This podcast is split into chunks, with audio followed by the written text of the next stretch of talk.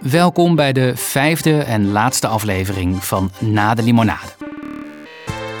Een podcast van het Trimbos Instituut, gemaakt door mij, journalist en podcastmaker Maarten Dallinga. Ik sprak met groepjes ouders van pubers over alcohol en andere drugs. Hoe gaan zij in de opvoeding met deze thema's om? In het slot vertellen ouders over hun belangrijkste leerpunten en krijg je nog een aantal praktische tips van Trimbos-expert Ninette van Hasselt.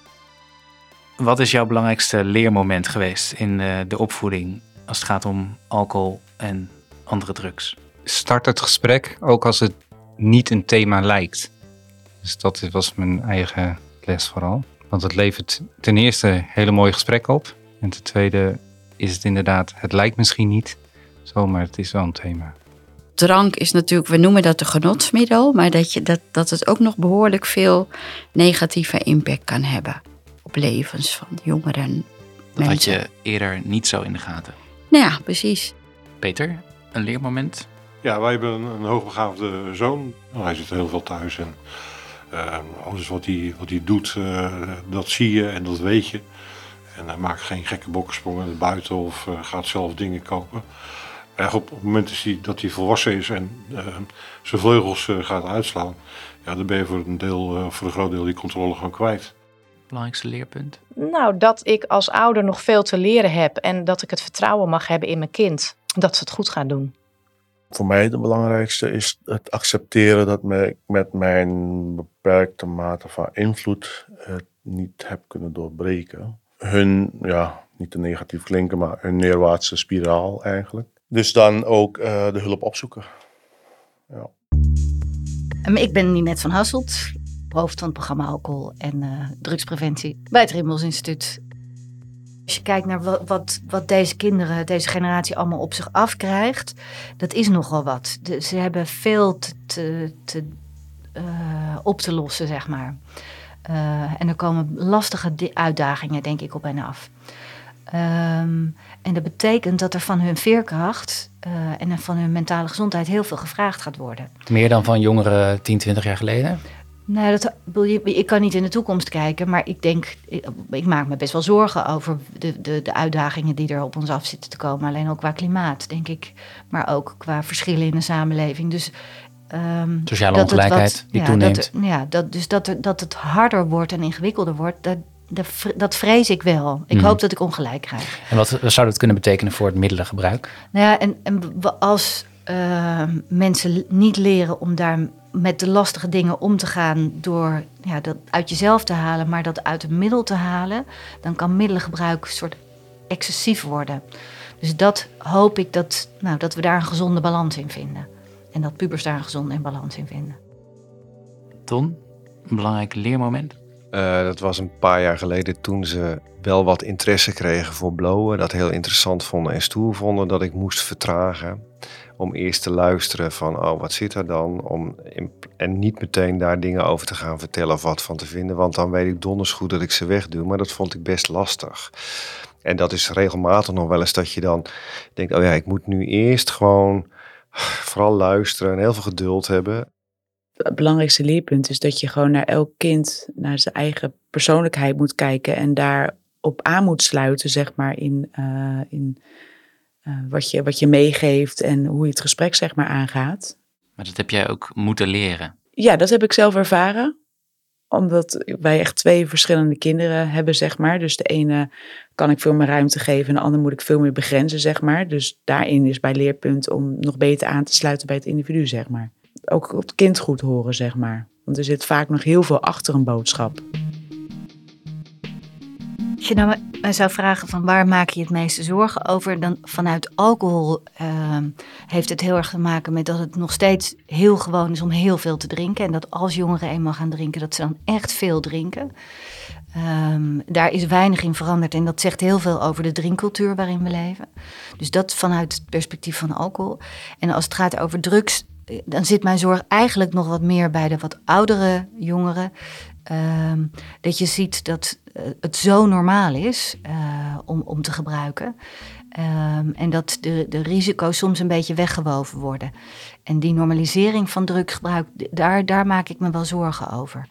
En verder zit hij veel meer in dat je soms in kleinere groepen ziet dat er een middel als GHB bijvoorbeeld in een bepaalde dorp, in bepaalde dorpen ineens enorm opwaait. Uh, je ziet soms ineens dat er nieuwe middelen op de markt komen of dat er een soort push is om methamfetamine in bepaalde omgevingen. Ja, dat zijn allemaal dingen waar je echt zorgen over moet maken. Maar dat zijn geen grote trends die voor de meeste jongeren gelden. Ehm, wat, je, wat je verder ziet is dat er in sommige groepen, dat je ziet dat er zowel veel, nou bijvoorbeeld cannabisgebruik is, maar dat er ook, uh, dat het gaat over kwetsbare jongeren uh, die makkelijk ook voor handel worden ingezet. En daar zie je dat samenspel tussen blowen en dan af en toe ook een beetje in de handel terechtkomen. En van de handel kom je in de zwaardere handel en kom je echt in een circuit waar je niet wil zijn. Björn, wat is jouw belangrijkste leermoment geweest? Voor mij, voor mij, maar dat is natuurlijk wel heel persoonlijk, is, uh, is uh, kiezen voor mezelf. Het is uh, uiteindelijk ook wel een tijd geduurd. Op welk moment? Dat het, dat het bij mij gebroken was en ik in een situatie zat mezelf af te vragen wat ik er nog deed omdat het thuis inderdaad op dat moment zo slecht ging in de, in de, in de verslaving. Uh, dat ik me afvroeg, wat, wat, wat, wat doe ik hier in vredesnaam nog? Wil ik hier wel zijn? En ik uiteindelijk wel achter moest komen van nee, dit is mijn basis. Ik moet hier blijven en die situatie moet veranderen. Kiezen voor mezelf, dat is voor mij daarin het, het, het belangrijkste geweest. Als je kijkt waar zitten echt de grootste risico's waar mensen ook bij komen te overlijden, dan zit die vooral in het verkeer in deze fase. En dat mensen dus onder invloed op de fiets stappen, uh, op een, e-bike, uh, denk ik steeds meer van oei, moet je dat wel doen? En helemaal uh, als ze in de auto stappen, ook zelfs als stap je in de auto bij iemand die hartstikke niet gedronken heeft, maar je zit er wel met z'n allen en een enorme keten trappen en de rest is wel dronken. Dat zijn echt de grote risico's in deze leeftijdsfase. Wat we zien is dat er een toename is van uh, het aantal verkeersongevallen waar middelengebruik een rol bij speelt. En het zijn vooral jonge mannen in het weekend die middelen hebben gebruikt. Veelal alcohol, soms ook iets anders. Ook pubers.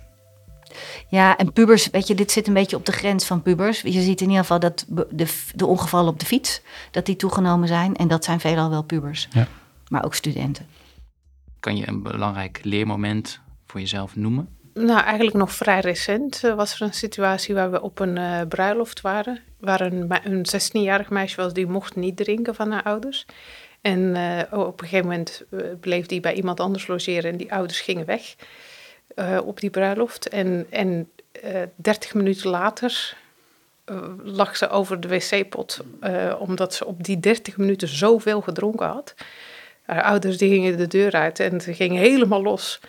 En, en dat was voor mij weer een moment waarvan ik dacht, ja, ik wil echt het gesprek blijven aangaan met mijn kinderen. En, en niet dat, ik zou dat echt verschrikkelijk vinden als ik, als, als ik dan wegga en, en dat gebeurt met mijn kind, waar ik dan ook niet bij ben voor ze.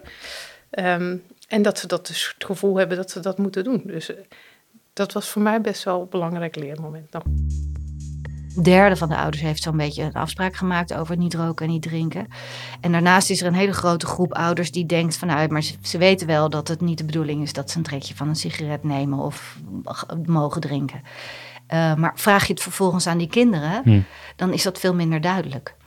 Uh, dus Zit, dat is dus een aanname van die ouders. Heel veel ouders nemen aan dat het wel duidelijk is wat ze hebben afgesproken. Dus daar echt een keer uh, een moment voor maken is belangrijk. Maar belangrijker is eigenlijk nog is dat je, het begint niet met eens een keer gaan zitten. Het begint gewoon met al heel klein dat je uitlegt wat alcohol doet. Uh, en, en wat je daarvan vindt. Uh, en, en dat moet niet te zwaar zijn. Want als je het er te vaak en te veel over hebt, is ook niet goed. Maar het moet ook niet iedere keer van we gaan nu zitten en we gaan het hebben over alcohol of over drugs. Nee, dan, dan, maak je het heel beladen onderwerp. Het is goed als het een thema is dat gewoon af en toe Precies, haast als vanzelf terugkomt. Ja, en waar je, jouw normen duidelijk in zijn. Wat zijn nou de belangrijkste signalen waar je op kunt letten als je wil dat je er op tijd bij bent als het uh, misgaat? Wat belangrijk is, is dat als een kind zich echt ineens anders gaat gedragen, ineens andere vrienden heeft, op school ineens veel minder presteert, uh, er minder goed uitziet, zichzelf verwaarloost, zijn ook een beetje dingen die bij de puberteit horen. Maar dat kan ook wat extreem worden. En dat is altijd wel een, een moment om aan de bel te trekken en op zijn minst even te gaan bellen met iemand die er verstand van heeft. Dat merken we ook, dat er meer drugs beschikbaar zijn. En daar hebben natuurlijk de grote evenementen ook een hele grote rol. Het uitgaansleven is natuurlijk enorm veranderd. Waar je vroeger vooral de kroeg in ging, zijn nu de evenementen veel belangrijker. En daar horen andere drugs bij.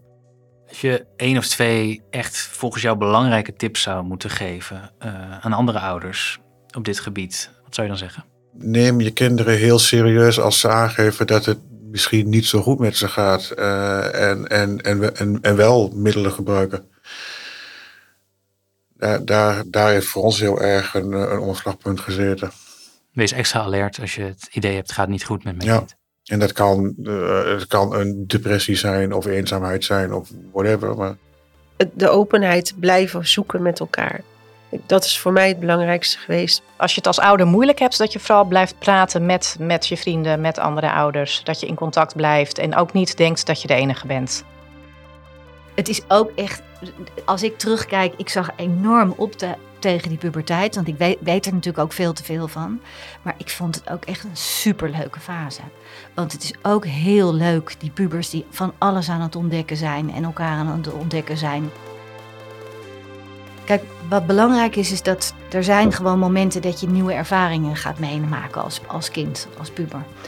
Um, dus je gaat naar de middelbare school, je gaat een eerste keer een feestje, je gaat voor het eerst uit, je gaat voor het eerst naar een festival, je hebt een afspraak met een jongen.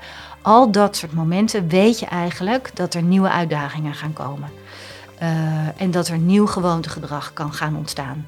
En als er eenmaal uh, een, een hobbeltje genomen is, dan is het daarna veel makkelijker om dat opnieuw te doen. Dus wat je moet zorgen is dat kinderen zich bewust zijn van: oké, deze situatie gaat zich nu voordoen. En die en die uitdagingen gaat dat met zich meebrengen. En zo ga ik me daarop voorbereiden.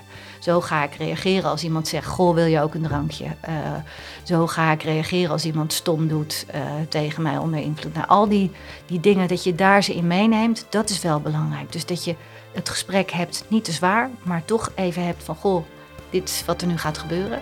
Dat is belangrijk.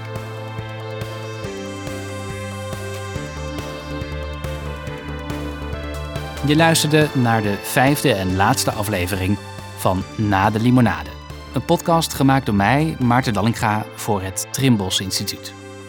Esmee Koeleman assisteerde bij de montage. Voor achtergrondinformatie kijk op helderopvoeden.nl. Mailen kan naar helderopvoeden.trimbos.nl.